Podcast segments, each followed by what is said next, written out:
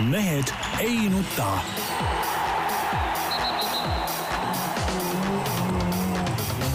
mehed ei nuta.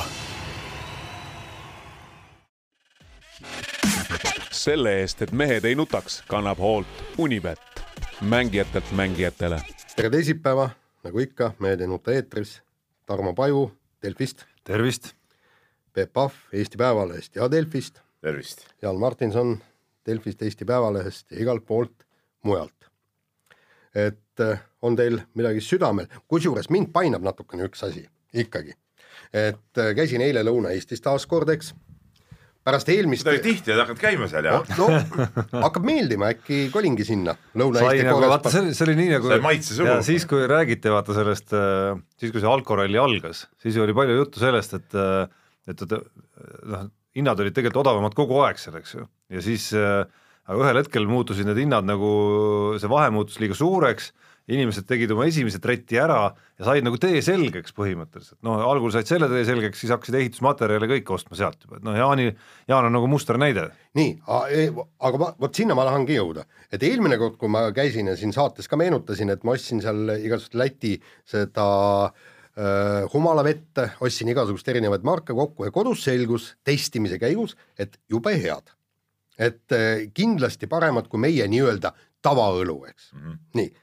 ja läksin siis eile, ehk siis esmaspäeval lähen sinna kauplusse ja tahan osta ja selgub, et punkt üks mitmeid marke, mis testimise käigus väga heaks osutusid, ei olnud müügil. küsisin, et mis jama teil on. Öeldi, et Vseopradali, ühesõnaga nädalavahetus ja pange tähele, eestlased käisid seal palgapäev oli ka asja, juhin tähelepanu. eestlased käisid Lätis nüüd juba ostmas Läti õlut. Ja, ja kusjuures mina tulin viimane, viimane kord Läti õllega. nii, ja, ja, ja, ja mis veel oli huvitav, oleks tegelikult seda pidanud pildistama, seal oli Eesti õllekaste, oli maast laeni täis. Ja kui kõrval olid needsamad Läti õllekastid, need oli ainult väikese, väikene hunnik ja väikene kiht ja mitut marki ei olnud üldse saadaval. mis tähendab, et sellega pandi järjekordne käru, ehk siis eestlane enam ei osta Eesti õlut ja siin on nüüd muide märge meie õlletootjatele, kui te tahate sammu pidada, siis üritage ka midagi sama head kokku keeta. Jah. Ja,, no meid sa, Jaan, ei üllata selle jutuga, et Läti õlle headus on, on juba teada ammu juba. aga, aga nüüd on ju konkreetselt näha, et lä eestlased ostavad Lätist Läti õlut, seal on kastide virnade järgi, saab ilusasti vaadata. Ja kui pood on Läti õllest tühjaks ostetud ja see ei ole hea Eesti majandusele. Ja, ja siit tervitus seltsimees Ossinovskile. no tervitus Ossinovskile, kes, keda tahaks tervitada ka selle eest, et nüüd on ju nii-öelda valimislubaduste väljakäimise aeg minu arust ja see, mismoodi nüüd sotsid on välja tulnud oma iseenesest nagu, nagu õigesuunalise mõttega, aga, aga käiakse välja mingeid ideid, üldse läbi kaalutud midagi ei ole, arutatud ei ole, arvutatud ei ole kui keegi küsib nagu täpsustatud küsimusi, siis midagi vastata ei os-, osata. ei, nad ütlesid, et me alles hakkame arvutama. kuulge, no come on yeah.. oota siis kaks kuud, arvutage läbi ja siis tulge välja. ja, ja, ja, ja kusjuures teine asi, ma, ma, ma nüüd ei, ei saanudki asjale pihta. see on ju väga lihtne, et, et kõik saaksid hooldekodusse, kõik saaksid, noh, tähendab ja, ja kes on kodus, kõik saaks teenuse. tõstke pension kahekordseks ja ongi täpselt kahe, kaetud ju kõigile inimestele. väga lihtne ju ja seal ei ole mitte midagi arvutadagi, vaadake, kui palju praegu pensionitele läheb ja korrutage see kahega number. ja siis ja, te näete, et asi on võimatu. mida Keskerakond lubab, see on köömes noh. no. jaa, üldse ma ikka tahan, kuigi ma saan aru, tegemist üksikjuhtumiga, sellist asja varem ei juhtunud, see eilne uhke teeäärne sünnitus, et tervitaks siis kõiki neid oineid ka, kes, kes ütleme, maapiirkonnas elu välja suretavad ja, ja annavad oma väärika panuse selleks, et, et üldse elu kuskil ei oleks ja haiglad ja asjad seal kinni panid, sünnitusosakonnad, eks ole, et, et nii, nii see elu hakkab olema meil. kuule, aga, aga mis näed, meie minister Janek Mägi, vastav minister, ta ütles, et jumal, Eesti naine on nii kõva, et võib ka põllu peal sünnitada. kõigega saab hakkama, aga no ikkagi noh, ikkagi tervitus kõikidele oinastele, kes sellega hakkama said. kuule, sada aastat tagasi, kus need sünnitusmajad olid? No, rahulikult, naine sünnitas. eks, eks suremus oli ka hoopis teine muidugi. no jaa, aga lapsi oli ka rohkem peredes. et nii on, piinlikud lood. piinlikud lood. nii. sport. sport, lähme spordi juurde ja. see sport, hasartmeisterlikkus, eks ole, oli siuke väljend. Sina Tarmo ei mäleta seda, me Jaaniga mäletame. aga kus, kusjuures seal Lõuna-Eestis, kus see oli, kas see oli kõ- Valgas või kuskil, kuskil sealkandis oli ikkagi, mul on kogu aeg meeles, et see suurelt võima seinale oli, et, et kõik maailma rekordid Nõukogude sportlastele see oli kõva loosung. kusjuures üks teema, kui siin äh, sportmeisterlikkus ja ma ei tea, mis loosungid sa siin välja tõid kõik, mis mulle selle lausega meenus, oli see, mis siin äh, kas nädal või poolteist tagasi juba käis läbi, ehk siis äh, sellest, kui nõrgad on meie Sisekaitseakadeemiasse äh, pürgijad siis, kes ei suutnud seal teha, mis ta oli siis, kahe minutiga kahtekümmend viit äh, kõhulihaste harjutust või noh, mingid sellised asjad olid seal ja me räägime seal nendest, kes on juba otsustanud, et ma lähen Sisekaitseakadeemiasse kandideerima ja no ma tean, et need täpselt need kolm harjutust ehk siis kõhulihased, lõuatõmbed ja, ja kätekõverdused tulevad. võimas. no ikka, kuule, Peep, mäletad, me käisime kunagi, kunagi aastaid tagasi va valimas sinna äh, selle autospordi ja liidu, poolt ja tiimi. mingisse noorte tiimi neid jah, just, ja, ja, ja see oli ikka täitsa masendav, neil oli ka kehalised katsed ja kui neil oli vaja siis varp seinal tõsta siis jalgu siis yeah. paralleelselt maaga ja kujutate ette, ei suudetud ühtegi korda teha, lihtsalt riputi seal nagu märgpesu. ja, ja kusjuures nad on ju sportlased, nad on ju see eliit, kes tahtis saada tiimi, jah, nii on, nii on. Nii on, aga, aga me räägime natukene kõvematest äh, sportlastest alusta- Kes alustuseks, kes on juba tiimis keda on? ja keda tiimist välja. kes on ja kes ei ole. just, ehk siis äh, vehklemisest, et äh, kired ja absoluutselt ei vaibu, et tundus nagu kõik rahuneti maha, et, et Erika Kirpu pühkis oma pisarad ära, ütles, et nüüd hakkab kõvasti trenni tegema ja, ja noh, leppinud, oli ne- leppinud nagu mingil määral sellega, et, et maailmameistrivõistluste öö, koondisse ei saa, et, et Katrin Aleis läheb tema asemel ja siis lajatas muidugi Eesti Olümpiakomitee paugu, Siim Suklas liikus, võttis isiklikult pommi kätte ja viskas sinna vehklemispessa selle põmaki Ühe- ja uuesti läks kõik lahti. ühesõnaga ta tegi ettepaneku, et, et tegelikult võiks saata ikkagi viis vehklejat MM-ile, kellest siis äh, neli ehk siis Katrina Lehis äh, vehkleks äh, individuaalselt ja siis Erika Kirpu vehkleks äh, naiskonnas. ja mul ei oleks midagi selle vastu, kui äh, Sukles, kes, kes on spo elanud spordi sees ja tunneb sporti ka öö, piisavalt heal määral, oleks saatnud lihtsalt oma, et mina, eraisik Siim Sukles, arvan, et võiksite teha nii, et no pakun niimoodi välja, aga et saata see kiri välja EOK ametlikul äh, blanketil ja, ja, ja, ja ja veel, ja veel sellise detailsuse astmega, kus on kirjas, et äh, punkt kaks, anda üles Katriina Lehis vaid individuaalturniirile, punkt kolm, anda üles Erika Kirpu vaid võistkonnaturniirile. et see oleks nagu kõik nagu paika pandud. see oleks nagu samm edasi sellest äh, noh, mismoodi see segapuder üldse nagu tekkis, eks ole, et kuskil, kuskil on nagu see loogika, et on mingid kas siis peatreener või treenerid on ju, siis tuleb alaliidu juhatus, siis tuleb EOK veel hoopis. vaata, aga tegelikult me oleme EOK-lt varemgi nõudnud seda, et nad sekkuks tähtsates küsimustes ja Sukk saavad öelda, oh mis sa tahad, et me oleksime nagu mingi spordikomitee või et niisugust asja ei ole, mina olen mitu korda öelnud, et, et jah, nii peakski olema, tead, aga mis nüüd oli siis? see ei olnud nagu spordikomiteelik äh, käitumine või? see, see oli täielik spordikomitee praegu siukse kirja ja ettepaneku laiali saatmine ja ja iseenesest, kui, kui EOK teeks selliseid asju nagu siis, kui on nagu tarvis teha, kui mingid, kui olukord on selline, mis nõuaks nagu nende sekkumist, oleks viis pluss, aga siin nüüd minna nüüd treenerite töömaile nii-öelda juba sisuliselt, see on juba nagu jama.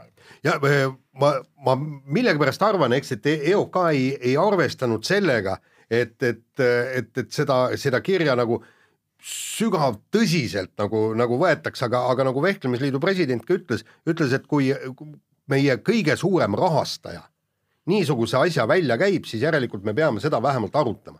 kusjuures muide, MM-il on veel siin pisut aega, järgmine neljapäev vist hakkavad vehklema, et siin on kindlasti aega veel, et minister võtaks oma seisukoha, et me- mis tema arvab, milline peaminister saab võtta, siis, just täpselt, nii et Jah. aega on, et, et kui, ja kui kui, nüüd kui, veel ei piisa, siis tegelikult saab ka president manitseda mingisuguses ja kõnes. siis ongi võistluspäeva hommikul Kaljulaid saadab oma eri- erilennukiga kirpu sinna otse rajale nagu, et lennukist tõmbab riided selga, hüppab välja ja kohe läheb torkamiseks, tead noh. sest et president nii otsustas.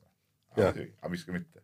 sest tegelikult noh, ma ütlen, et, et see, see asi pandi põõna juba siis, kui see eh, treenerite eh, otsus nii-öelda eh, alaliidu juhatuse poolt tühistati, kuigi nüüd takkajärgi, eks võttes oli see, see otsus õige, sellepärast Katrina Lehis krooniti Euroopa meistriks.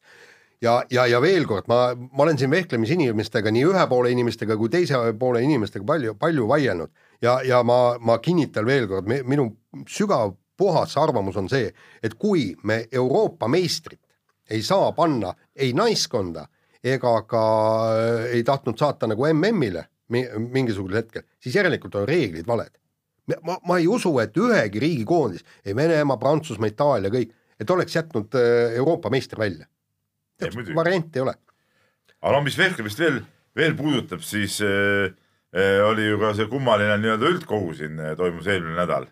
Äh,, mis oli siis kokku kutsutud siin kahe klubi poolt äh, äh, juhatuse äh,, kolme juhatuse liikme tagasikutsumiseks ja lõpuks vist ikkagi nagu asja saanud, sest vist ei saadud see isegi päevakorda kinnitatud, et ehk siis, ehk siis äh, see näitab ka, et, et see vehklemisliidu asi, et üks asi on see võistlustele saatmine nagu noh, nagu, nagu reaalsus, eks ole, aga ütleme, see siuke nagu, nagu kuluaarimängud või, või, või mingid siuksed võimumängud käivad, käivad veel edasi mingil omal, omal tasandil, mis on nagu täitsa jaburuse tipp nagu juba tegelikult no kas ka see, kui, kõige jaburam oli veel see, et, et kui eh, no me Jaaniga tegime selle lugu ka, eks ole, ja ja ma helistasin selle klubi Florett esindajale, kes koos Iremiga siis selle eh, nii-öelda selle koosoleku kokku kutsus ja ütles, et juhatus tuleb tagandada ja ja siis arvatud põhjusel mees ise oli nagu kuskil võistlusel, et ta ei saanud osaleda ja ma küsisin, et et kuidas see jääb, ta ütles, et andsin volituse ja volituse andis ta inimesele, kes ise kuulus tead selles juhatusse, et noh, et see juba näitas kogu selle, kogu selle asja mingi, mingi naeruväärsust ja see oli muidugi see inimene, keda ta juhatusest tagasi nagu otseselt ei, ei kutsunud, eks ole, aga noh,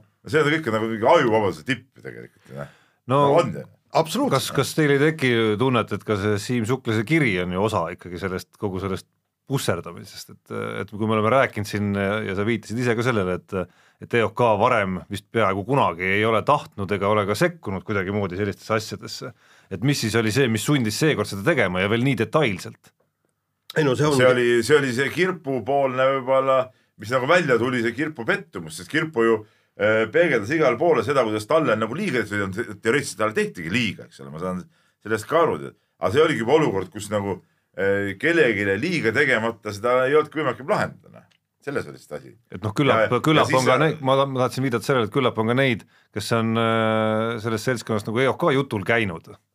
ja ei muidugi, muidugi. ei no Kirpu saatis ju EOK-le ka kirja muidugi. noh. ja enne seda saatis muidugi, muidugi ka äh, Irina Emrich saatis äh, EOK-le kirja, et, et äh, ja, ja, ja muide, mis, mis siit tuleb järgmine asi välja, aga no ma, ma ütlen, et, et see, see asi läheb liiga laiaks, aga, aga, aga meie sportlased on tihtipuhku hädas ja nad ei saa mitte kuskilt õigust. et, et äh, nagu ma ütlen, et mul tuli siin idee pähe, et, et meil peaks olema Eesti oma spordi Eesti spordikohus, kes, kes teeks, lahendaks niisugused asjad ära ja jutt ei ole ainult vehklemisest, on täpselt sedasama, see Tiim Haanja no, jant oli jant on küll. ja küll, küll ja küll, aga, aga mis siin vehklemisse puutub, on see, et, et et nii EOK kui juhatus kui ka kõik peaminister ja president, kui nad kavatsevad vehklemisskandaali sekkuda, nad peavad seda arvestama, et see skandaal jätkub ja see on nii kaua kestab, kui meil on üle nelja väga hea vehkleja, kes on võimelised võitma tiitlivõistlustel medaleid. tuleb nüüd olümpia, olümpiamängud, seal individuaalturniirilt peavad välja jääma kaks vehklejat, juhul kui nad pääsevad tiimiga sinna sisse ja mis me siis siis, ma, ma kujutan ette, et, et äh, milline lahing siis algab. ei, ma ei tea, kuidas küll- sa kaks kogu aeg välja ajad, ma räägin, et olümpial saab neli tükki. neli küll, aga individuaalvõistlusel saab. individuaalvõistlus ja, ja seda ma ütlengi, no. Ja, ja, ja, ja ja, ja, ja, ja, ja paraku, paraku nii ta on, aga mis kõige hullem selle asja juures on see, et kui te ei lõpeta omavahelist niimoodi kisklemist, nagu, nagu, nagu öeldakse, nagu vehklejad ütlevad, et näed, et susserdati see Katrina Lehis sinna, sinna tiimi ja kõik, sellesama Katrina Lehisega te peate varsti koos vehklema, sest kui ta tõesti edetabelis tõuseb kõrgele, siis ta on naiskonnas sees ja, ja arvestage, Irina EM-i punktidega tõuseb praegu sinna täitsa just, nii, ja teine, järgmine asi on ju see, et Irina Emrich on juba sedavõrd vana, et pärast Tokyo olümpiamänge on tema juba läinud. ja siis on Katrina Lehis raudselt naiskonnas. kui seesama punktitabel nüüd äh, läheb edasi, sealt vaata võetakse nende võistluste punktid ju kaasa. Embrich ei saanud ju midagi, Lehis sai suured punktid, noh, Kuusk sai suured punktid, Beljajeva, Kirpu sai vähem. nüüd on selge, et see EM-i esikolmik on ju punktidega läheb ju ka ette. ja, ja absoluutselt, siin ei ole absoluutselt. nagu, siin ei ole nagu mingit küsimustki. kuigi enne järgmise, järgmist hooaega nad jätavad sealt alla ainult, alles ainult kümme protsenti punkte, aga ikkagi need on kolm esimest ja kolm Jaa, esimest peavad kuuluma jah, ja mis mõelge, kallid tüdrukud, te peate ühise tiimina tegutsema, sest kui te võistkonnaga olümpiale ei saa, siis pääseb ainult üks ehk ja. siis maailma ja kui temagi, eks, ehk siis ma, ma, maailma. meil oli siin mitu olümpiat oli näide, kus me ei saanud ju, Embrich oli nagu maailma tasemel, võistkonnaga me peal plähmerdasime ära, eks ole, ja Embrich üksinda ka ei saanud. ei, seal oligi, seal tekkis ju see, see omal võitlema veel ju seal see, jah oligi, Eesti edetabeli põhjal saadeti siis kvalifikatsioonivõistlusele Kirpu, Kirpu olümpiale ennast ei, ei vehelnud ja siis muidugi Irina Emmerich oli väga pettunud, eks. Et, et, et tema oli noh, nagu meie esinumber, aga, aga üks hakkas seal nagu, siis oli jällegi omakorda süüdistused, et, et kõik tüdrukud ajasid taga individuaalpunkte, sest nägid juba, et, et naiskonnaga ei saa, et siis vähemalt mul on võimalus sinna. No see saab ikka päris kõva väljakutse minu arust olema nüüd sellel MM-il, eriti sellel võistkonnavõistlusel nagu midagi nagu ära teha ikkagi, et lugesin Peep ka su intervjuud Helen Nelis-Naukasega kus ta seal väitis, et noh, et see on üldse nagu jama jutt, et võistkonnavõistlus, et see eeldab ka mingisugust nagu ühtset tiimi ja mingit tiimivaimu, et noh, lõpuks vehkleb ikkagi nagu inimene Üks üksinda, eks ole, mitte nagu korvpallis peab teisele söötu andma. aga noh, lõpuks on see võistkond sul seal ikkagi nagu raja otsas, raja otsas, sa pead igapäevaselt nendega nagu ikkagi nagu läbi saama, läbi käima, mina, mina ei ütleks, et see nagu päris, et see, et see päris individuaalala sul ei ole. see on kahe otsaga, ta selge see, ta ei ole päris individuaalne, aga sel hetkel, kui sa rajal oled, sel hetkel on. on ta puhas üks-üks jaa, aga need pinged, mis on tekkinud kogu selle ja, nagu jama tulemusena, need on sinuga ikkagi nagu halvemal juhul kaasas ikkagi seal rajal. kuulge, meil on, meil on vehklemise ajaloost on eelmine Eesti EP naiskond, kes samuti võitis medaleid, vist oli MM-i hõbeda võitsid ja ja noh, kullale ei tulnud. seal oli niimoodi, et seal oli täpselt kaks poolust, mulle nüüd äh, üks, üks nendest vehklejatest nagu rääkis ka, et, et seal oli kaks poolust, vanad ja noored kes omavahel ei suhelnud, öeldi minu teada isegi ei tere ega head aega isegi. ometi võitsid medaleid, nii et, et, et tegelikult eh, seal on võimalus. noh, sõltub ajahetkest ja, ja kõigest, aga noh, hetkel see keemi, see temperatuur tundub seal üsna keemise lähedal ikkagi, sest mõlemalt poolt käib ju see ühelt poolt on seda saagimist olnud juba nagu aastaid või noh, nagu kauem, eks ole, sealt sealt, sealt, eks ole, siis Haapsalu poole pealt on ju, nüüd on siis nagu teine pool ka veel, paneb vastu, eks ole, et praegu on see kõige teravamas tipus kogu see tüli üldse, mis ta on läbi aegade olnud. ja, ja, ja minu meelest peatreeneril Kaido Kaabermal on kindel ülesanne, kas nüüd juba sel MM-il või vähemalt järgmise hooaja algusest peale integreerida Katrina Lehis naiskonda, leida temale kõige paremat äh, tingimused, võimalused, noh, kas ta, kas ta vehkleb teise numbrina, kolmanda numbrina, esimese numbrina, aga et ta hakkaks kindlasti võistlema, sest ta peab äh, Euroopa parima vehklejat siia naiskonda kiiresti äh, sisse tooma ja talle kindlasti mitte pingeid peale panema. aga ma arvan, et kõige õigem on siia ikka, meil on üks kiri ka vehklemisteemal, ma arvan, kõige parem on see praegu siin kohe sisse tuua nagu raksakiks, meil kirju on pärast nagunii nii palju ja meil on mõtet uuesti seal vehklemisele tagasi tulla ja Meelis on meile kirjutasid päris pika kirja, te olete kindlasti lugenud, eks ole, ja see lähtub ka sellest äh, Helen Nelis-Naukase intervjuust äh,. tänab mind selle intervjuu eest, palun võta heaks, Meelis, said toreda lugemiselamuse, ma olen kindel. ja, ja, ja, ja, ja ega ja ta küsib siin pika kirja lõpuks seda, et, et noh, et siin toob välja selle Nelis-Naukase nagu selle nagu negatiivsema poole, et siit tuli nagu välja tema, tema see intri-, intrigandi maine ja nii edasi, et kui kui keegi pole tema poolt, eks ole, et siis noh, ta ootab nagu lahendust ja, ja, ja, ja ta äh,, kuidas see kirjutab, eks ole, et, et, et äh, kui keegi mind ei kiusa klatsi, et siis me, miks ma peaks temasse halvasti suhtuma, eks ole et, et põhimõtteliselt, kui tahate minuga hästi läbi saada, siis olge nagu põhimõtteliselt vait, eks ole. no ütleme, seal oli minu arust tabavamalt toodud see koht välja, kus äh, mõte oli isegi see, et eh, kui teie arvamus ei ühti nagu minu, ütleme kuni ühtib minu omaga, siis on kõik korras, on ju, aga kui me oleme eriarvamusel, siis, siis on jama majas. ja siis on jama, mis on põhimõtteliselt õige, ja selles suhtes ma arvan samamoodi, noh et kui, kui, kui Jaan ütleb no, hakkab mulle vastu, siis on jama no, majas. tiimis, tiimis nii ei saa, mõtle, kui sul mängijad, mõtle, kui sul tiimis ei, mängijad samamoodi võtaksid ütlebki praegu, et tema on oma tiim, eks, nii, aga ta küsibki siin. kas ta tahab, et Katrina Lehis on Eesti vehklemisnaiskonnas või tahab? mehed, mis te arvate, kas need konfliktid, mis vehklemises täna esile kerkinud on, on põhjustatud just naukas, on põhjustanud just naukas, soovimatuses koostööd teha ja vigu ainult teistes käitumistes nähes. noh, ma, ma päris nii ei saa ka öelda. vaata, vaata, vaatame faktidele otsa. Nelis Naukas võitles lõppkokkuvõttes Katrina Lehise ikkagi Euroopa meistrivõistlustel, äh, nii või naa või ükstapuha, kuidas yeah. me selle, kas, kas siis äh, nii-öelda oma äh, sugulaste tuttavate kaudu või võitles. nii kaua ta näris, kui sai, mis tahtis. just yeah. ja, ja tuli Euroopa meistritiitel jah, nii, kas te nüüd mõistate selle treeneri süüdi, kui ta oma õpilase eest võitles ja, ja sai lõpuks näidata, kui tugev ta õpilane tegelikult on? Kas me saame selle treeneri süüdi mõista? ei no muidugi ei saa, teine asi on see, kui ma seda intervjuud tegin, ma see, oli, see oli päris pikk eh, jutuajamine meil, see oleks oma kaks, kaks tundi või isegi natuke peale võib-olla. ja ma selle jutuajamise käigus ma korduvalt tead eh, oma mõttes ka nagu mõtlesin, et, et, et mõnes mõttes ikkagi Nelis Nauks on ikka pagana kõva nagu ütleme, noh oma sellest, oma iseloomult, oma sellest kogu sellest tegemisest, mis ta selles Haapsalus on teinud, kuidas see asi kõik seal toimib ja kõik, et see on nagu, nagu ikkagi, ikkagi, ikkagi ülikõva nagu ja kui teda ei oleks, siis oleks, ma arvan, Eesti vehklemine kõvasti vaesem igal juhul. teine asi on jah see, et, et, et muidugi tal on väga-väga siuksed, kuidas ma ütlen nagu, nii nagu siin kirjas öeldud, nii noh, nii nagu tema, kõik peab olema nii nagu tema arvab ja nii on, et, et, et seegi see, et on teatud koostöö tegemisel on see miinus, eks ole. aga tervikuna ma, mul teda hukka mõista ka nagu, nagu mõnes mõttes raske, jah, ta ei ole, ta ei ole mingi ideaalne inimene, kaugel, kaugel sellest, eks ole, kes meist ikka siin ideaalne oleks. Aga tervikuna no, ma arvan tema, ei no mina muidugi, aga ma arvan, et tema olemasolu Eesti vehklemises on, on ülimalt positiivne. jah, nii nagu ülimalt positiivne on ka, ka ma ei tea, kõik need, et meil on Embrichid, meil on muud sportlased, meil on Tartusse eh, kirpud ja Beljajevad üles kerkinud, et Kaido Kaaberma teeb seal peatreenerit, et see kõik, no see kõik ongi Eesti vehklemine, eks ole, noh, et, et siin nagu öelda, et, et üks on nüüd rohkem süüdi kui teine, ma ei julge, minu arust kogu see kamp on süüdi selles, et, et on need jamad, eks ole, ja, ja nii ongi.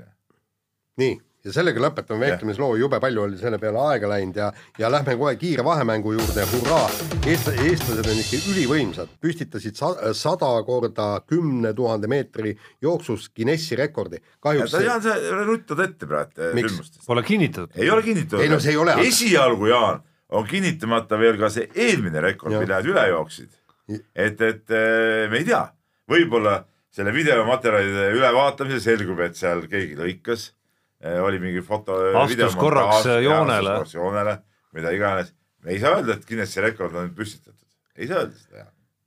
ei saa, aga no tähendab, selle kohta ma nüüd noh, seda mõtlengi, et noh, hästi toredad inimesed käisid seal jooksmas, inimestena toredad, aga jooksjatena täielikult patserid, ehk siis meie minister äh, Saar äh,, Saskia Alusalu, kes, kes on meil ju väga hea kiiruisutaja. suusahundid käisid ja meil suusahundid, siis ühesõnaga kalur Raio Piiroja ja Jah. kõik, eks. et no kui tõsiselt äh, me saame seda, seda rekordit võtta, mulle, tead mis, mul tegelikult tundus ka kahetsusväärne, et Eesti ei või, miks nad ei võinud panna sada pikamajooksjat seda rekordit no aga jooksma. see ei olnud eesmärk, eesmärk oli anda noh, nagu Raio Piirojad ja on sellised mehed, kellega meil kõigil on võimalus nagu samastuda natukene, siuksed eeskujud ikkagi. teine asi on see, et, et kui see nii-öelda eelmine veel kinnitamata rekord eh, jooksid mingid Briti sõjaväelased, kui ma õieti mäletan. no see on selge see, et no see ei olegi, Jaan, see ei ole see, et, et võtame Keeniast eh, sada venda ja siis jooksed selle ära, no siis ei ole meil siin enam midagi, meiesugustel midagi peale hakata või noh. aga mõtle, kui joosta aga. mõtle, kui keenlastel äh, tuleb see mõte, et võtaks rekordi endale. ma räägin, siis ei olegi rohkem, noh, siis ongi siis nagu läbi, noh., siis on selle rek-, see rekord pannakse lukku põhimõtteliselt. pannakse lukku, noh, nii ongi, noh. et see ongi siuke, no Guinessi rekord, see on pooleldi show, pooleldi rahvasport. nii on. nii on jah, ma isegi pean ütlema, et äh, mul rohkem avaldas muljet, kui rekorditest rääkida, ma ei tea, kas see nüüd oli rekord või ei olnud, aga eile sattusin Ringvaadet vaatama õhtul ja seal äh, käisid siis Hannes Ermaküla ja äh, Jüri Mutika käisid, nad on mingi Rootsi mingi nelikürituse plaani võtnud endale, käisid kolme kilomeetri ujumisel ja siis Jüri Mutika äh, ujus kolm kilomeetrit koera kolm tundi et vot see oli kõva sooritus. see on küll raju. koera. ja et Hermaküla ujus alla tunni natukene nagu no- normaalses stiilis, eks ole, ujus selle kolm kilti läbi, aga tema ujus koera kolm tundi. kuule, aga see on ka võib-olla? see, see ei tulnud välja hästi, kas ta oli viimane või ei olnud. Aga igatahes Hermaküla kaks tundi ootas teda ja arvas, et ta on nagu uppunud juba. ja kuule, aga see on ju ka minu meelest Guinessi rekordite raamat ma ütleks ka jah, mingil määral. koera, ma ei tea, kas konna tõmmata, koera ujuda on nagu eriti mõttetu. no ma ei oskagi enam koera, lapsena oskaks küll nagu. või ma ei tea, kas praegu oskakski enam koera ei ujuda. suhteliselt väsitav stiil minu arust edasi ka ei liigu. nii, no Hermaküla arvas, et eh, ta pani isegi tema koerale ära, koera ujumises. nii, aga meie vahetame teemat eh, ja tundub, et eh, BC Kalev Cramo ehk siis Kalevi korvpallimeeskond on täitsa hea koht, kust NBA-sse siirduda. ta kunagi ei kandnud küll Cramo nime, tol ajal kui Martti Müürsepp siirdus Kalevist NBA-sse, aga võimalik, et sel suvel saame uue sarnase liikuja, ehk siis Isaiah Briscoe, kes eelmisel hooajal Kalevis mängis, on hetkel mängimas Orlando Magicu särgis NBA suveliigas. No mis see mitte, seegi see, et, et Briscoe's oli niisugust materjali, et ta kunagi võib NBA-sse saada, ma ei uskunud küll, et see nii ruttu juhtub ausalt öeldes, noh. et seal küpsusest oli asi ju tegelikult väga kaugel ja ma ei ole kindel, et ta, et ta veel nagu saabki sinna. aga, aga, aga iseenesest fakt kui selline, noh, miks ka mitte, no Kalev mängib ju täiesti arvestatavas liigas ikkagi, VTB ühisliiga on ikkagi Euroopa mõistes päris arvestataval tasemel, noh. et ma ei näe siin nagu midagi kummalist, et siit selle klubi mõni mees saab NBA suveliigas kätt proovida, miks ka mitte. ja kui see juhtuma peaks ja õnnestuma peaks, noh mis, mis selles mõttes ei oleks ka mingi superüllatus, sest aasta tagasi ta jättis ülikooli pooleli just sihiga NBA-sse saada. lihtsalt NBA draftis ei osutunud ta valituks, siis mis seal salata, ega Kalevil oleks päris oluline roll ka selles, et ma arvan, et ta nagu mängijana küpses päris kõvasti siin ja sai päris kõvasti nagu õp õppetunde siin Euroopas mängides ja ja nagu kooliraha kogunes omajagu. aga kui me räägime muidugi siin NBA-st, siis sellest uudisest rohkem mind nagu eile jälle nagu äh, kuidas ma ütlen, nagu rõõmustas või paelus ikkagi, et meie äh, vennasvabariigist jälle Läti poiss tegi, eks ole, äh, San Antonioga ilusa lepingu, neli aastat, kakskümmend miljonit, noh et, et pole, pole nagu, pole nagu paha sooritus, tead noh. nagu, nagu ütlevad klassikud selle peale, tead noh. ja no ootame meie poisse, ma lugesin eile just samal ajal, enam-vähem samal ajal, kui ma seda uudist lugesin Davis Bertansi kohta, lugesin ka Henri Trelli intervjuud äh, korvpalli kakskümmend neli portaalis, kus mees raius või noormees raius, et see on kindel siht tal aga ma rõhutan, ta minu käe all Eiblit no. no, see oligi otsustav et seal, seal lükati asjad paika, pärast seda sai kohe Bambergisse. minu juurest läks otse Bambergisse. nii nagu Prisko puhul ja. on siis nagu Kalev Cramo on ju, nii siis Trelli puhul, kes pole küll jõudnud veel kuhugi NBA mõttes siis. jõuab, jõuab, jõuab. nii, Jaan. ei, siis Kimi, nii. Äh, Kimi Raikkonen siis, meie lemmik vormelipiloot, äh, tõdes, et sai Lewis Hamiltoni rammimise eest asja eest karistada, aga tema abikaasa Mintu soovitas nutval Hamiltonil balletitundi minna. Kah õige, mida, mida sa virised, meestevõitlus noh, mis, mida ma... sa virised on, ma ei saa aru.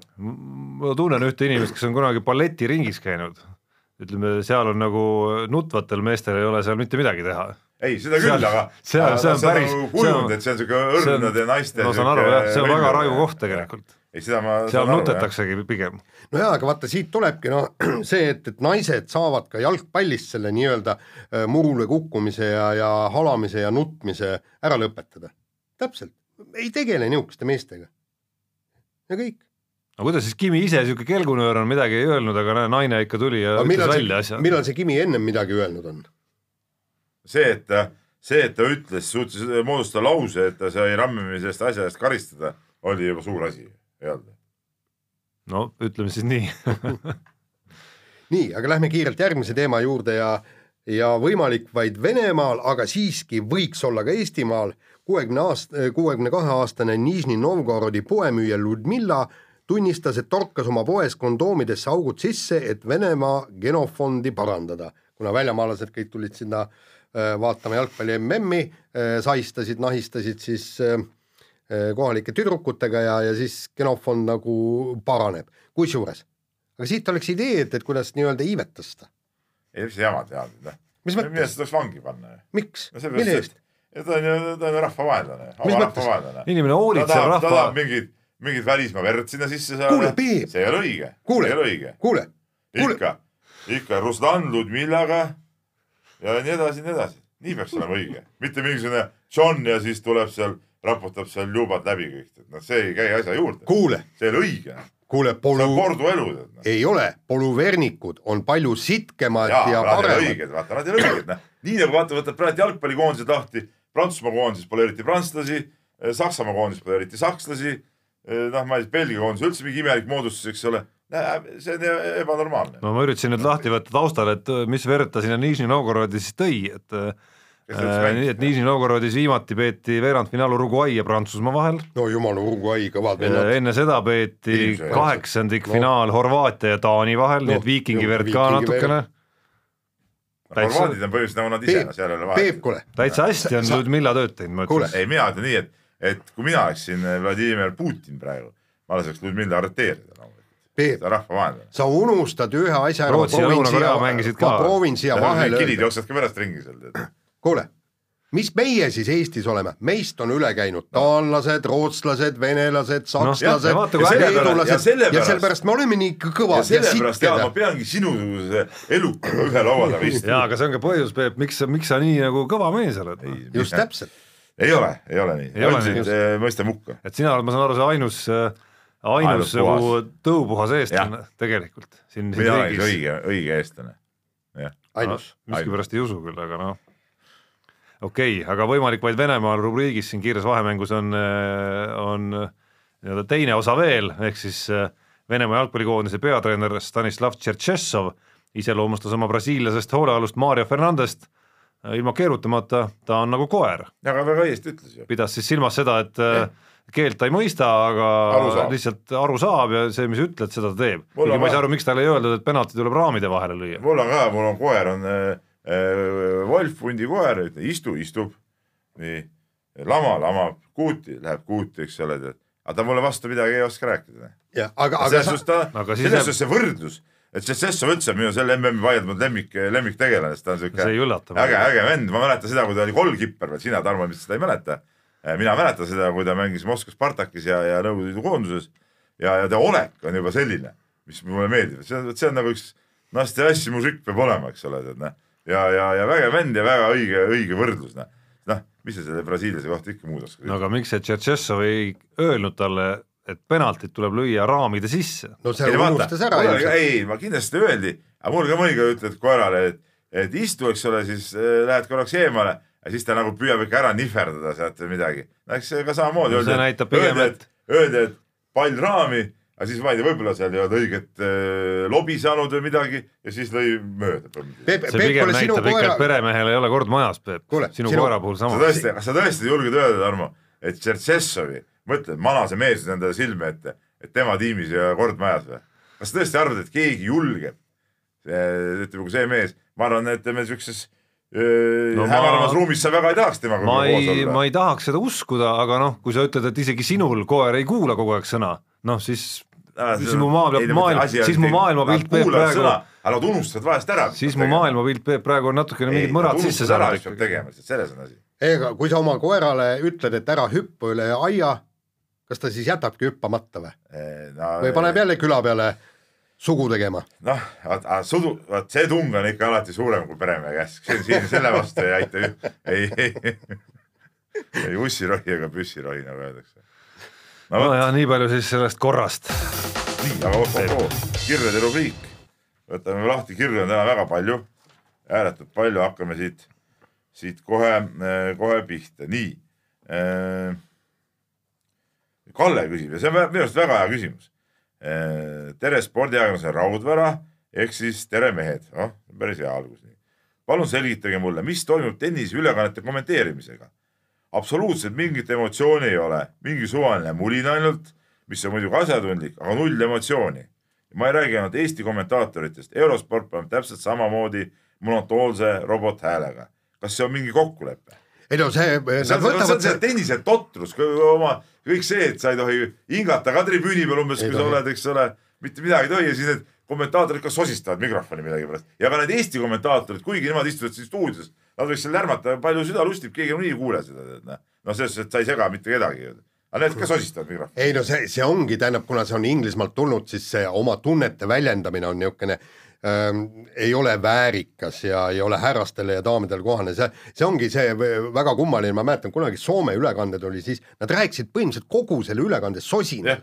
täpselt nii nagu, nagu nad oleksid, istuksid seal väljaku kõrval, eks, et, et see selline veidikene kõvem hääl äh, segaks ära kõik äh, kogu selle mängu, eks. noh, ma võin kommentaatorina lis- lisada, et ega ta nagu kommenteerimise mõttes, ma pole küll tennist kommenteerinud, aga ma enam-vähem, ma usun, tajun seda loogikat seal, et ongi natukene keeruline seda hoogu nagu korralikult üles saada No sest pea, punktide, sest punktide ajal sa oled vait ikkagi, eks ole, aga korvpalli või jalgpallimängu ajal sa kogu aeg räägid, on ju, ja see see pinge kuidagi läheb sul juba nagu sujuvalt haripunkti, mitte nii, et sa nagu oled, ma ei tea, kolmkümmend sekundit vait ja siis äkki pead nagu möllama hakkama. jah, aga selles mõttes, et emotsioone välja tuua, kui on tõesti ilus punkt, Võiks miks ei võiks jah. natukene röökida, võib-olla plaksutada ja karjuda hurraa. ma ei ole kunagi sellest muidugi sellest tribüüni peal oleku asjast ka aru saanud, et iga spordialasid on, no mis siis korvpallid, asjad, kõik mängud, inimesed ju liiguvad, eks ole, plaksutavad, räägivad ja siis tennisel peab olema mingi absoluutne vaikus ja kõik peavad nagu tikk sirget niimoodi istuma, et jumala eest midagi ei liigutaks. no mis see mingi. no see on kes-, keskendumise aga mis teised alad ei pea siis keskenduma või? No ütleme niimoodi, et te, teistel aladel on nii-öelda voolav mäng, kogu aeg see mäng ju, mäng ju voolab, sul ei kui olegi ta aega voolab, penalteid lüüakse, siis ta ei voola midagi.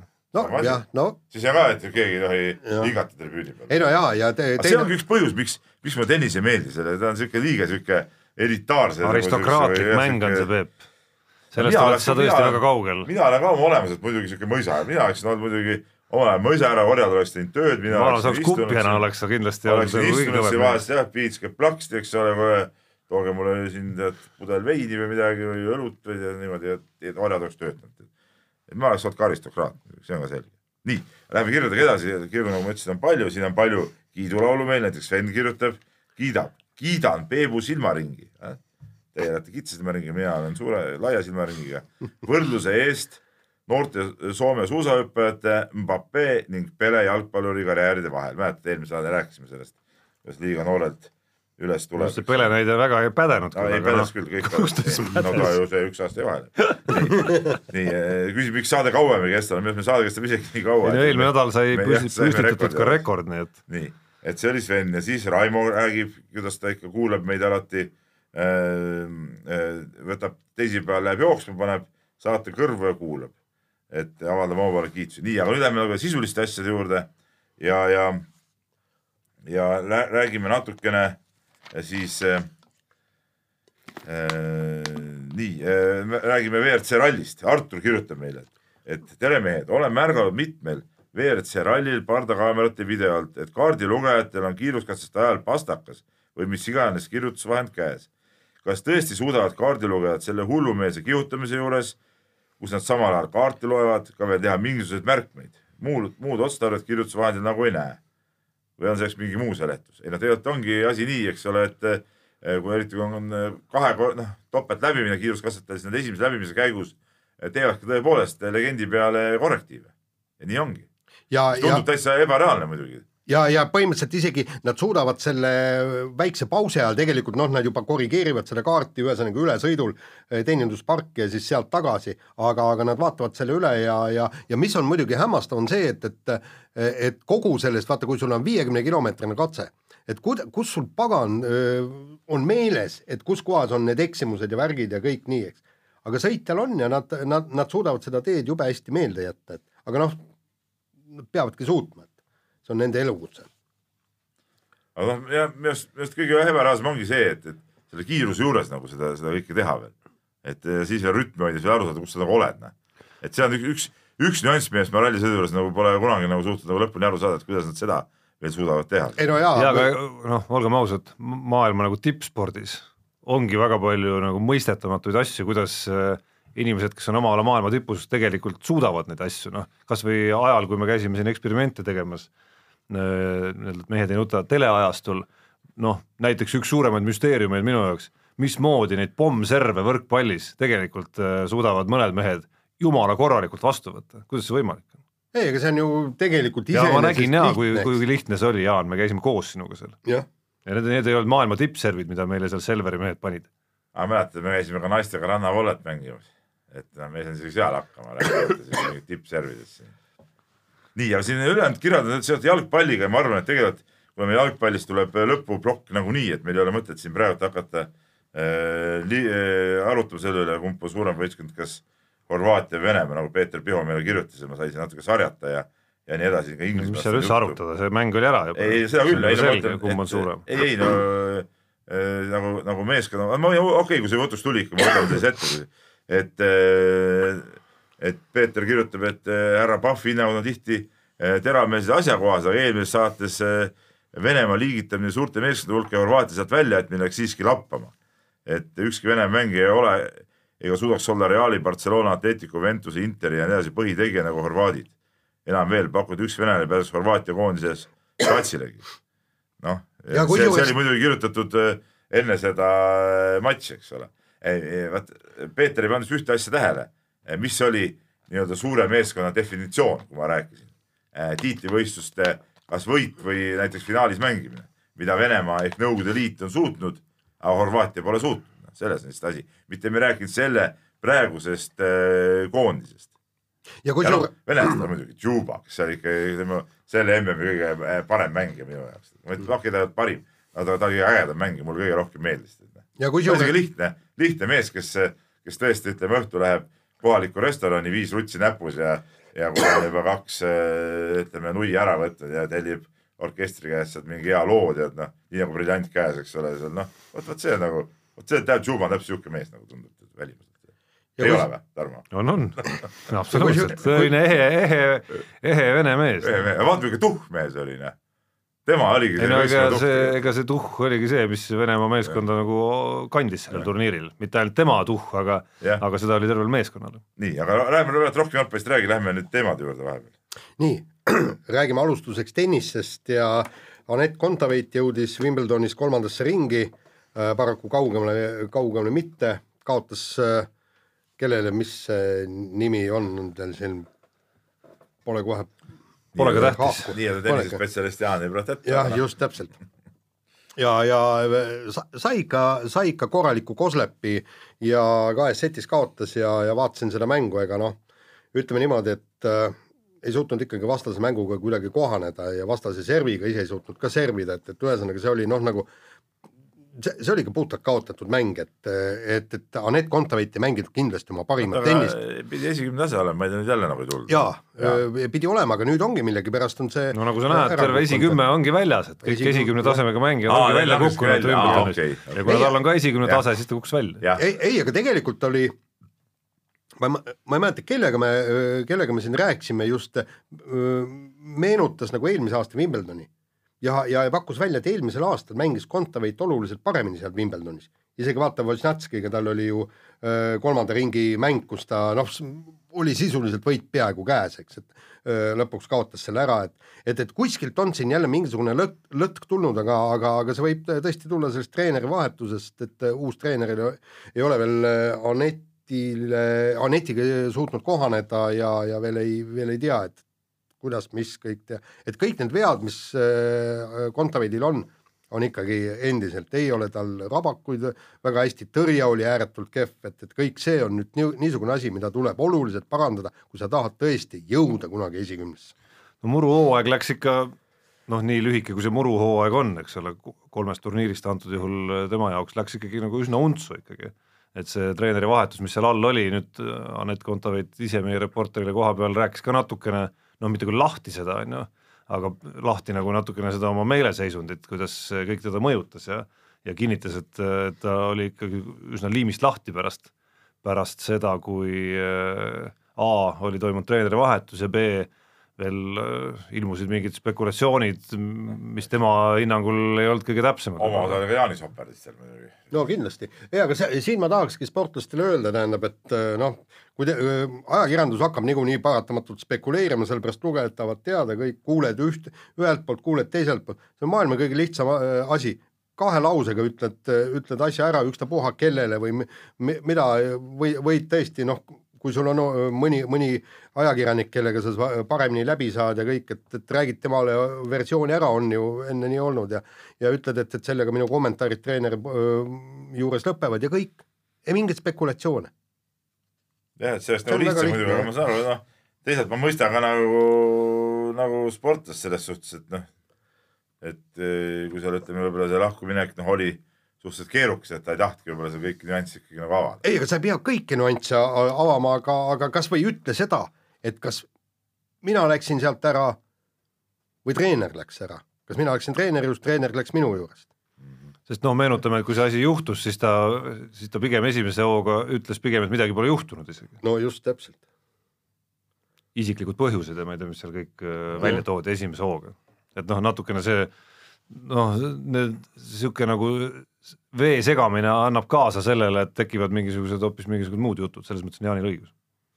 nii, aga vahetame meie teemat või ei noh, siia lõpetuseks ja veel tennise teema lõpetuseks, et see fakt iseenesest, et maailma top kümme on väljas Wimbledoni turniirilt praegu, et see on ikka päris raju fakt tegelikult. see näitab, see on naiste tennises. seda enam, seda enam on hetkeseisu, hetkeseisu, kus see pott on ikkagi väga väga ütleme segamini nagu. et seda enam on kahju, et, et, et see muruhooaeg nagu läks natukene untsu Netil, loodetavasti on ta nüüd nagu nii-öelda jalgele saanud, see on nagu hea uudis selle Wimbledoni juures, et kaks ringi ta läbis seal. aga, aga ikkagi isegi viimasel kümnendil on suutnud suurturniire võita tõesti mängijad, kelle edetabeli koht antud turniiri ajal on mingi kakskümmend pluss või midagi niimoodi, täpselt seal, kus seisavad praegu, seisab praegu Anett Kontaveit ja aastaid oli Kaia Kanepi. aga paraku ei ole näiteks Kaia Kanepi isegi poolfinaali kunagi pääsenud. et selles mõttes on kurb, et meist, meie tennisistidest on kõik need imed nagu mööda läinud, aga ma südamest loodan, Ostapenko, no tuleb järsku, noor plika ja võidab eelmine aasta, võidab ära äh, Prantsuse lahtised, eks, noh. no võib-olla tuleb nüüd jälle. ja äh, absoluutselt, aga nüüd ta enam ei ole niisugune suvaline vend. Kontaveidi treeneri ütleme juhendamisel. no praegu, eks, aga, aga, aga miks ei või meie tennisist säärast imet teha? No Anetil õnneks on aega seda A imet püüda päris, päris pikalt loodetavasti. hoiame pöialt. aga vahetame meie teemat ja räägime natukene kergejõustikust, ehk siis äh, üsna kena nädal Eesti kergejõustikul on olnud, eelmisel nädalal natuke rääkisime ka siin Gerd Kanterist, et kas ta peab ise oma kuludega EM-ile minema või, või mis täpselt juhtuma hakkab, aga äh, Kanter vähemalt nii palju sai kätte nüüd lendu, et Euroopa meistrivõistluste norm on täis, äh, pärast normi täitmist pani sinna veel distantsi juurde ka veel natukene, pani Pjotor Malahovski kotti ja noh, muidugi teine asi, mis kindlasti on rõõmustav selles suunas, on Magnus Kirdi järjekordne noh, päris, päris hea võit, mille ta eile Lutsernis sai kätte. no rääkides kõigepealt Kanterist, siis muidugi Kanter üle on väga hea meel, ma isegi siin eelmine saade vist ütlesin, et tema see praegune hooaeg meenutab natuke seda Karl Lewise lahkumishooaega, kus eh, tulemused olid, ütleme, paar astet madalamad kui, kui ütleme normaalsetel aegadel, aga see, et Kanter nüüd ketta lendama sai ja suutis nagu uuesti stabiilselt seda nagu näidata ka, et see kuuskümmend neli pool, võib-olla kuuskümmend viis võiks ka EM-il olla, no kuuskümmend viis vähemalt, siis EM-il olla käe sees eh, annab igatahes väga suured lootused, et see pikk ja võimas karjäär saab, ütleme EM-il ka väärikalt lõpetatud, ma ei räägi siin mingist, et peaks mingi medali võitma, aga vähemalt kaheteist hulgas. vähemalt eh, lõppvõistlusel ja, ja et see või, et see lõpp oleks nagu sihuke väärikas ja siis oleks küll tõesti ainuke võimalus püsti seistes nii-öelda aplodeerida mehele, et, et, et väga-väga-väga võimas, et selle üle on olnud, olnud hea meel praegu. ja Euroopa meistrivõistlustel ilmselt otsustavaks saabki see eelkõige kvalifikatsioonivõistlus, sellepärast et kui sa oled juba seal, siis sa oled äh, pannud oma karjäärile kauni ja kena punkti, aga öö, äh, sealt edasi sa võid ju täi-, täitsa minna hullu panema. Et... noh, see on juba jah, seal ei ole midagi, aga kaotada ja võita, et noh, võita on muidugi palju, aga kaotada ei ole midagi. ja kuuskümmend viis pool võib täiesti rahulikult medali tuua noh, kui ta ise siin äh, Märt Roosna loos ütles, et tahab oma viimaste aastate parimat tiitlivõistluste tulemust saada, mis on seal üle kuuekümne viie natukene, siis noh, sellega võiks seada mis iganes eesmärke, aga noh, ei maksa võib-olla ette rutata veel. jah, nii on, aga, aga mis puudutab jälle Magnus Kirti, siis äh, no ütleme, Eesti kergejõustik on nagu tundub sel hooajal küll nagu saanud ikka täieliku, täieliku nagu staari nagu isegi võib nii öelda, et äh, et vägevad, vägev tulemuste seeria kõigepealt, vägevad võidud, noh nüüd tahaks nii-öelda teemant liigalt ka äh, vägevat äh, tulemust ja kohta, et, et siis oleks nagu, nagu eriti, eriti võimas. ja kolmas asi on see, et, et üheksakümmend meetrit võiks ükskord rikki minna, katki minna. noh, jah. ja, ja EM-il näiteks, jah. no see oleks medal juba. see oleks medal. et noh, nii, see on võimas, nii, aga aga veel võimsam asi muidugi on tulemas nädalavahetusel ja tegemist on eh, Eesti selle suve kõige suurema spordisündmusega, ma saan aru, et mõned jalkafännid hakkasid rääkima sellest eh, Euroopa, eh, mis iganes karikamäng see siin on.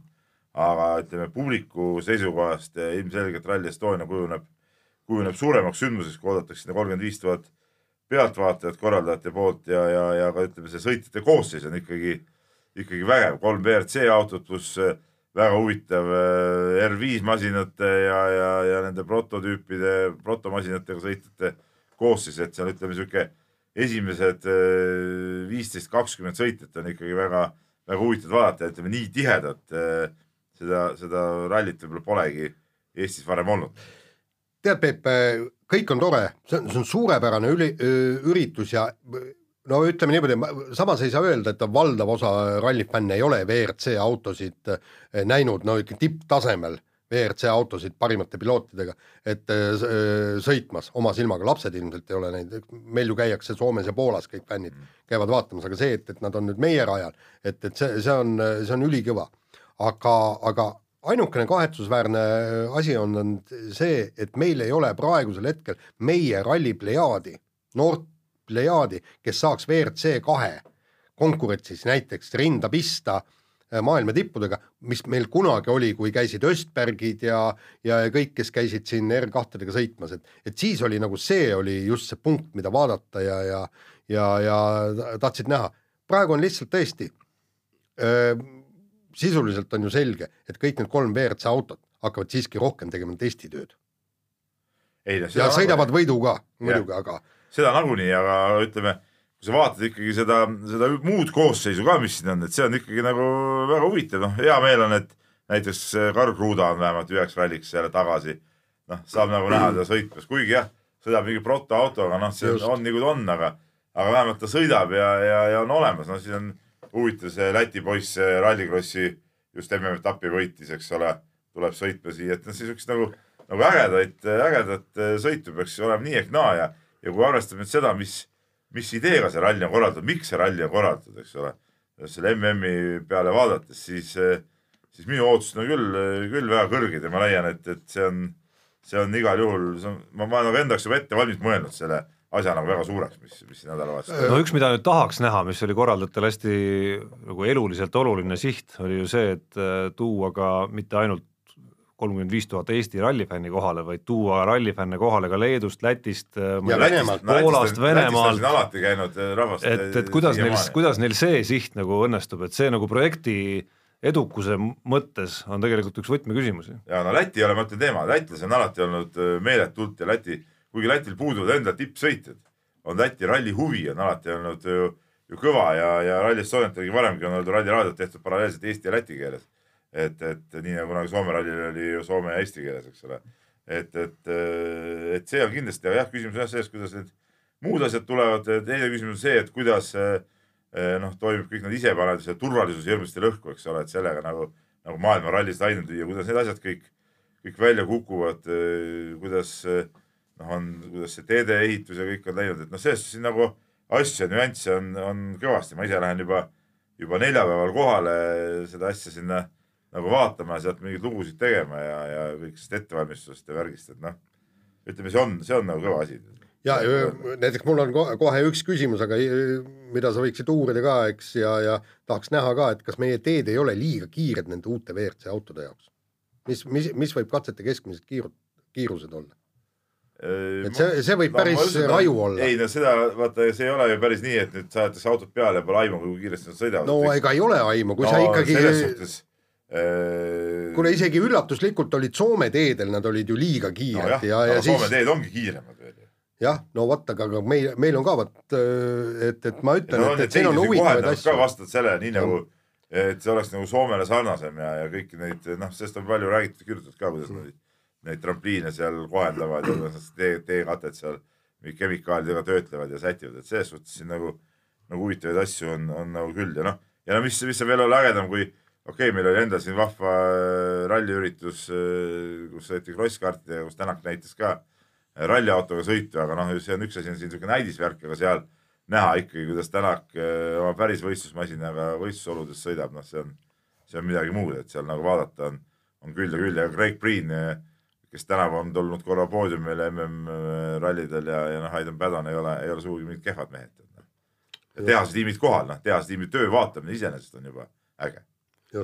Jah, no sa mainisid siin, et see on aasta nii-öelda tipphetk ja panid võrdlusesse super, selle Euroopa jalgpalli superkarika mängu, on ju, et kui me nüüd teemadega edasi läheme, siis vahepõikena, sul, sinu jaoks peaks olema ju eelmisel nädalal äh, tulnud ka eriti hea uudis veel, veel ühe tippsündmuse näol, ehk siis need kaks KHL-i hokimängu. Äh, ja ei, no, ma olin, mis siin pattu salata, olin juba varem, varem teadlik, et need mängud, mängud meile tulevad ja kuna me ise Delfi on ju korraldustiimis ja sinagi, Tarmo, teadsid seda, aga, aga, aga see on muidugi väga kõva asi ja Jogerite meeskond, ainuke, mida ma veel oleks tahtnud, eh, kui Jogerid tulevad, eks ole, ma oleks tahtnud näha kahte mängu. esiteks eh, Jogerid versus Riia Dünamo, no Riia Dünamo on lemmikmeeskond eh, KHL-is, noh ikkagi nagu meie meeskond, eks ole, jälle Läti ja see Eesti värk, eks ole. ja teine asi, Jogerid Peterburis ka. Ka, aga noh, see on muidugi selline, selline derbi, mis toob nii Helsingis kui Peterburis hiigelsaalid alati täis, et noh, seda siia Tallinnasse nad nagunii ei too, et lepime siis sellega, mis toodi ja, ja, ja, ja vaatame sedagi naudinguga, sest Jogerid on ka ikkagi vägev meeskond.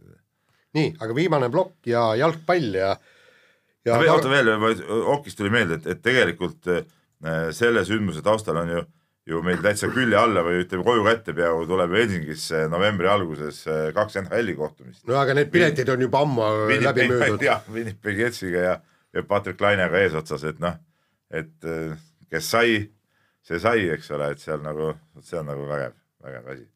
ja no Soomes suudeti isegi korvpallikoondise mäng Islandiga loetud päevadega üksteist tuhat piletit välja müüa, nojah, siis Okist rääkida veel. ei no muidugi noh, seal, seal olid piletihinnad olid ka laes. aga noh, see ei ole mingi küsimus nende soomlaste jaoks. vot nii. nii, lähme nüüd jalgpalli juurde ja poolfinaalid äh, algavad täna, täna siis äh, mängivad Prantsusmaa, Belgia, et äh, see on nagu igavam mäng nagu natuke. oi, miks ta, no ei, miks ta igav on, ta peaks nagu mänguna olema tegelikult ikka väga atraktiivne ei mäng,. ei, ma saan aru küll, aga võistkond nagu paelu mind nagu eriti. Belgia on üllatavalt hästi mänginud, hakkame sealt pihta, et minu meelest Swede kirjutas väga hea kommentaari ja ilmselt ta sai nagu äh, sealt ideed meie saatest. ta, tema kommentaari sisu oli see, et kuningad ja pööbel, et ehk siis need, kes on maailmameistriks tulnud, see on eksklusiivne klubi ja sinna võib lisanduda ainult meeskond, kes on midagi erakordselt äh, korda saatnud ja ta tõi kaks näidet, kaks meeskonda, kes ei ole kes ei ole maailmameistriks tulnud, aga mi- kes oleksid võinud, võinud tulla maailmameistriks. üks oli siis see seitsmekümnendate Holland ja teine oli viiekümnendate Ungari. ja, ja Ungari kohta ma nii täpselt öelda ei oska, aga, aga kindlasti seitsmekümnendate Holland oleks väärinud maailmameistritiitlit. ja, ja, ja samas äh, oli tema tõdemus, et, et praegu ei ole ei Belgia ega Horvaatia eh, midagi vapustavat korda saatnud selleks, et maailmameistriks tulla, järelikult Prantsusmaa, Inglismaa oleks kõige peaksid õigem finaal, ei sellega ma olen nõus, et see oleks ainuõige finaal. no defineeri mulle- defineeri see erakordsus jälle, et ma ütleks, et see Belgia põlvkond on ikkagi üsna erakordne. kuule, kas sa, sa, sa, sa polnud sündinudki, eks ole. ei, ma ei olnud sündinud absoluutselt. mina natuke mäletan neid, seda, Jaan mäletab muidugi seda väga selgelt, eks ole. et, et no see oli ikka, see oli nagu midagi siukest nagu, nagu erilist ja maagilist, ma räägin, ma kirjutasin siin jalka MM-il ka selle, selle oma nii-öelda mälestuste killu, kus nagu kõik olidki Hollandi poolt ju tol ajal, eks ole, tead noh. et, et see oligi mingi eriline võistkond täiesti. ja, ja, praegu ma ei tea, et kõik oleks Horvaatia või kõik oleks Belgia poolt. ja, ja, ja kusjuures teine asi, et, et see on minu meelest nagu noh, mingisuguste reeglite, seaduste, füüsikaseaduste rikkumine on see, kui Belgia tuleks maailmameistriks enne Hollandit, et madalmaadest, et see oleks nagu totter, noh. see oleks totter jah. See nagu see Jaaku nagu, see ei no mina, kes ma olen eluaeg nagu Hollandi poolt olnud, mis puudutab rahvusvahelist jalgpalli, noh ütleks samamoodi, et üks asi on seitsmekümnendate Holland, ega see kaheksakümnendate lõpu Holland, mis Euroopa meistriks tuli, oli ju samasugune, kellele noh, ma võiks vaielda selle üle, kas nad ka ei olnud äkki MM-tiitlit ära teeninud, see põlvkond, kus Ruut Kullit ja Marko van Basten mängisid. ei olnud, ahah, ei tee, ei teeninud, miks? Ei tulnud. ei no ei tulnud jah, järelikult ei olnud ka see Ungari ja, ja seda varasem Holland ära teeninud seda.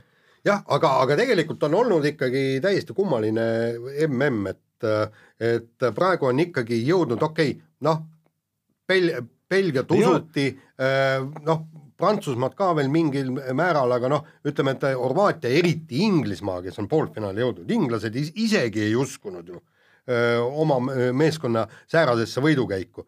noh, seal, seal oli, kui nad alagrupis said selle kaotuse, siis vaadati, et noh, kõik läheb nii nagu tavali ja siis järsku no see oli mingi naljakaotus muidugi, Jaan. Ei noh, see kas nalja tõsine, või see ei olnud mitte? tõsine mäng siiski. nii, aga kaotus on kaotus ja teine asi oli penaltiseerija, võis olla ju kindel, et nüüd nad no see oli kõige müstilisem, minu arust ongi kaks müstilist asja olnud, ütleme, kui jätta nüüd need suursoosikute pudenemised, millest nii mõnigi tagantjärele vaadates on üsna loogiline, et et ega see Argentiina sai ju MM-ile jõudis ka üldse läbi, läbi läbi ikka väga suure häda, on ju. Et äh, üks oli see, et inglased suutsid penaltiseeria võita, eriti veel olukorras, kus tundus, et, et see penaltiseeria hakkab käest juba libisema, et kõik need teemonid oleks võinud kuskilt välja ilmuda. ja noh, teine müstika ikkagi on Venemaa jõudmine nii kaugele, et Miks? ütleme, no, no tegelikult on, okei okay,, nad mängivad kodus, aga et äh, sats, kelle puhul ma arvan, peabki paika see, et, et ilmselt ükski nende mees ei oleks näiteks Horvaatia algkoosseisu pääsenud. ei olekski pääsenud jah et sats, satsina suutis nii ägedalt mängida, minu arust oli see kindlasti üllatus. no aga see kodumeeskond on varemgi, mäletad see Lõuna-Korea kunagi, eks ole, samamoodi jõudsid ju kas poolfinaali. poolfinaali, isegi poolfinaali jah, jah. et, et no siukseid asju kodu, kodusõnad teevad imesid lihtsalt vahest, noh, ongi kõik. jah, ja venelastel oli tuhh peal siin. oli peal ja noh, see on, see oli nagu, nagu vahva, aga selge see, et nad ka maailmameistritiitlit poleks nagu väärinud, noh, et see on, see on ka nagu loogiline teistpidi. et, et, et mulle näiteks see Horvaatia iseenesest ka väga meeldib, tead, aga noh, ma ütlen, et seal on toredad mängijad, kelle poolt võiks olla, eks ole, aga noh ikkagi, ikkagi ma ootan Inglismaa-Prantsusmaa mängu sellisel finaalis. no justkui paberil peaks Prantsusmaa tulema maailmameistriks, justkui. paber ei maksa midagi. aga no ei no sama, samamoodi ei maksa see, mida te räägite siin, kuidas äh, justkui mingi loogika järgi need tiitlid no, jagunevad. finaalis on äh, Holland ja Belgia siis see ei ole nagu MM-i õige finaal. et kunagi Prantsusmaa ikkagi tuli ja mitte, mitte. Horvaatia ja Belgia. Horvaatia ja Belgia, jah. ükskord Prantsusmaa on tulnud nii-öelda klubisse juurde, on ju noh. et sama hästi ma usun, kui meil oleks saade sel ajal olnud, oleks, oleksid sa rääkinud ka siis selle Eh, finaali, finaali eelse saate ajal, et Prantsusmaa pole kunagi tulnud, järelikult. siin on jälle, jälle, sa jätad jälle nüansid nagu märkamata no.. Prantsusmaa kaheksakümmend neli Euroopa tšempion, tead. Ja seal nad olid juba väga kõvad ja mulle meeldisid platiniid ja värgid. Nemad tõusid juba siis suureks meeskonnaks. no siis nad võisid pärast ka maailmameistriks tulla. Nad juba olid suur meeskond siis, selles mõttes oi jah, super, super megaloogika. ei, väga suur loogika, aga mis Horvaatia saavutused on, mis Belgia saavutused on? Horvaatia on varem poolfinaali jõudnud. mis, mis mingi naljaturniiridel? ei, ei, ta on ka maailmameistrivõistlustel. nojah, aga midagi pole saanud ju. midagi pole saanud ju. aga oi küll, vot ühest asjast mina jälle aru ei saa, ma oma jalgpallispetsidega nagu rääkisin ja ütlesin, et meie jalkaspetsid. ei, okei okay., no nad on, sa, sa oled ise lubatud. nii, ja ise sa oled nad palganud. nii, ja, ja, ja jällegi palkage endast viletsamist spetsit võtta, ise parema spetsi nii, aga, aga sellepärast Jaan ka töötab meil. et, et vaatasin neid MM-i tulemusi. huvitav, kas ja... sa töötad ka selle pärast meil ah,? keegi on su selle mõttega palganud mm. -hmm. Urmo palkas selle mõttega, et ise parem välja näha. jah, nii, et tegelikult seda MM-i tulemusi vaadates ikkagi ütlesin, minu meelest on ainuõige praegu teha järgmine mm nõnda, üks meeskond Aafrikast, üks meeskond Aasiast, üks meeskond siis sealt nii-öelda äh, ülevalt Ameerikast, kolm Ladina-Ameerikast ja kümme satsi Euroopast, kuusteist satsi koos ja mehed ja, mängivad. väga õige, ega see muu maailma jalgpall, nagu ka see tsempionaat näitab, on ju naljanumber ju tegelikult. no see fakt ise vaadates nüüd mitte ainult selle MM-i, vaid päris mitme MM-i nagu saldosid, Euroopa versus muu maailm seab ikka eriti veidrasse valgusesse selle, et kui nüüd eh, MM-il osalejate arv kasvatatakse eh, varsti kolmekümne kahelt neljakümne kaheksale ja siis Euroopale sellest kuueteistkümnest kohast antakse vist kolm juurde ainult, et siis tekib küll küsimus, et oot-oot-oot, et see vähe nagu ei, vähe ei klapi miski siin. mingid prügi, prügivõistkonnad mängivad, tead noh. no põhimõtteliselt Lad-, Ladina-Ameerika satsidel eh, valikturniir tuleks ära jätta, nad saaksid ju kõik peale.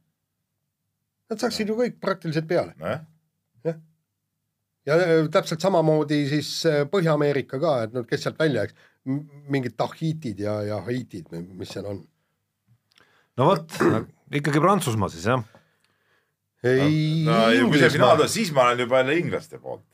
jah, sest nemad on väärikad, nemad on jalgpalliloojad. kuigi ma ütlen, et peale seda teesklust ma ikka hästi nende poolt olla ei saa, eks ole, aga noh, kui Prantsusmaa-Inglismaa mänguks on, siis, siis, siis ma olen ikka inglaste poolt jah, aga no see Prantsusmaa pidu võib vabalt lõppeda ka, ma arvan, niisugune viiskümmend või ütleme kuuskümmend, nelikümmend äh, võib see vabalt ära lõppeda juba täna õhtul, nii et et ma, ma seda Belgiat Belgia, väga, väga Belgia-Inglismaa, vot see oleks hea mäng ka.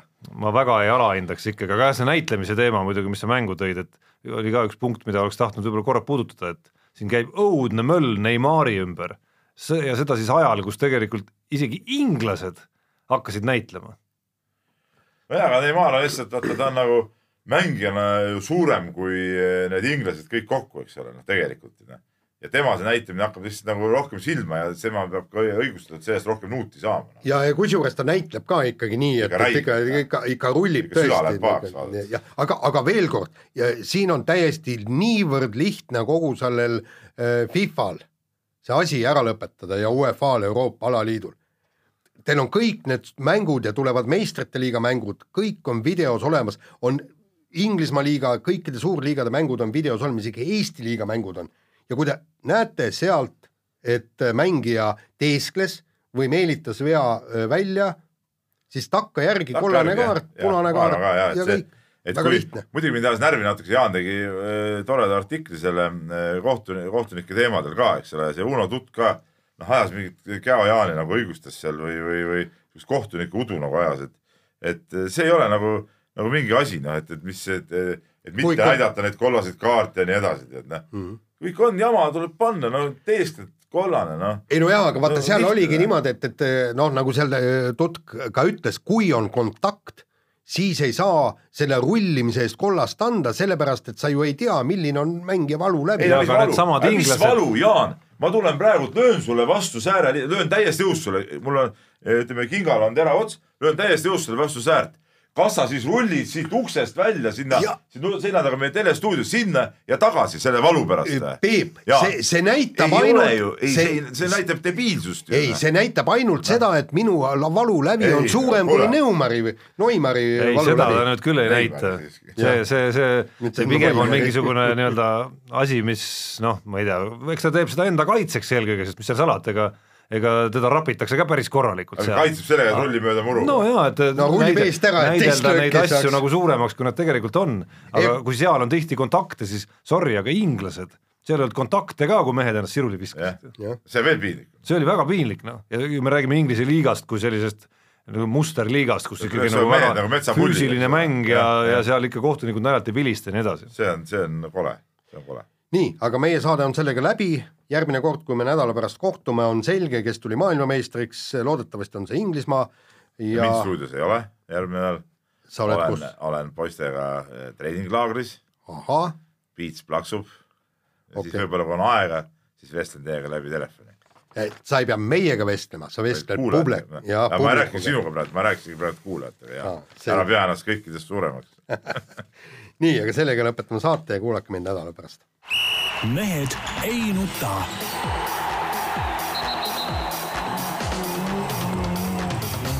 mehed ei nuta